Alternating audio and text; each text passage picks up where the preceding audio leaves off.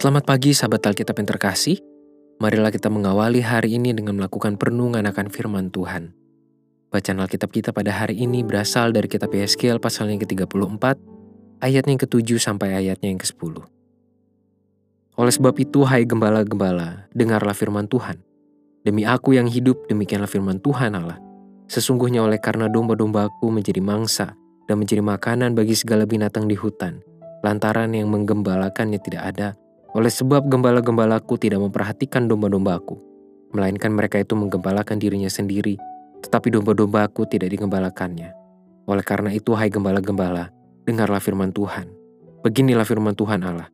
Aku sendiri akan menjadi lawan gembala-gembala itu, dan aku akan menuntut kembali domba-dombaku dari mereka, dan akan memberhentikan mereka menggembalakan domba-dombaku.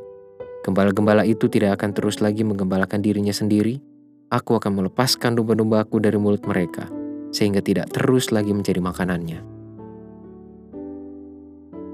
Di dalam rangkaian empat ayat ini kita melihat tiga bentuk peran, yaitu umat Israel sebagai domba, para gembala domba yang tidak bertanggung jawab tentunya, dan pemilik domba-domba tersebut. Tentu saja, para pemimpin Israel adalah para gembala dan Tuhan adalah milik domba. Sebagai bagian dari teguran keras dari Tuhan, kepada para gembala domba, ia telah menegaskan akan rancangannya untuk memberhentikan mereka dari tugas tanggung jawabnya. Bahkan Tuhan sendiri yang akan mengambil domba-domba tersebut untuk kembali berada dalam naungannya agar hidup sesuai dengan kehendaknya.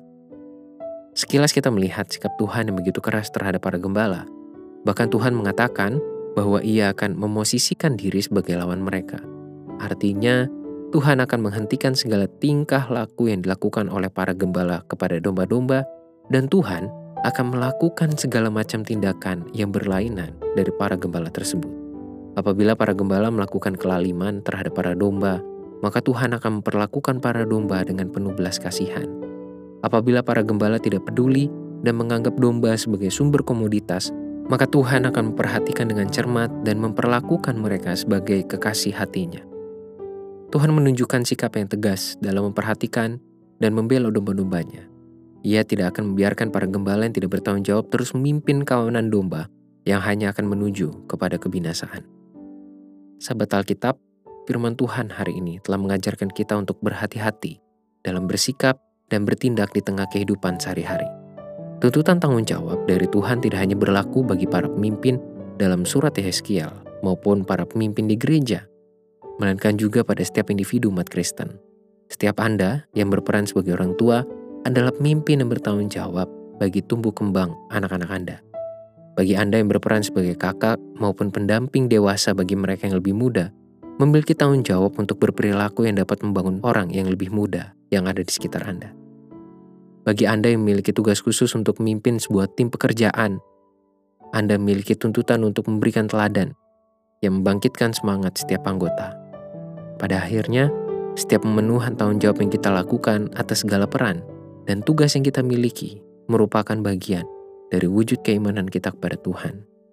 Kiranya firman Tuhan menjadi modal utama bagi kita dalam membangun keutuhan perilaku yang bertanggung jawab, dalam memahami peran dan tugas untuk menjalani kehidupan bersama yang sehat di dalam Tuhan.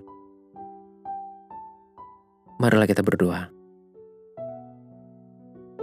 Tuhan, Inilah kami dengan segala peran yang kami miliki yang Tuhan percayakan kepada kami.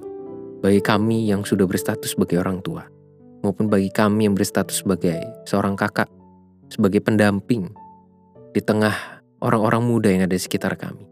Bagi kami yang berperan di tengah lingkungan pekerjaan kami, bertanggung jawab untuk beberapa orang yang menjadi anggota dalam tim kami. Tolonglah kami Tuhan untuk dapat menjadi pemimpin orang-orang yang bertanggung jawab memberikan teladan, memberikan pengaruh yang baik, yang benar-benar membangun kehidupan orang-orang, yang menjadikan kami teladan, panutan bagi mereka. Sehingga dalam setiap tingkah laku kami, kami bertanggung jawab karena kami percaya itulah bagian dari keimanan kami kepada Tuhan. Hanya di dalam nama Tuhan Yesus kami berdoa. Amin.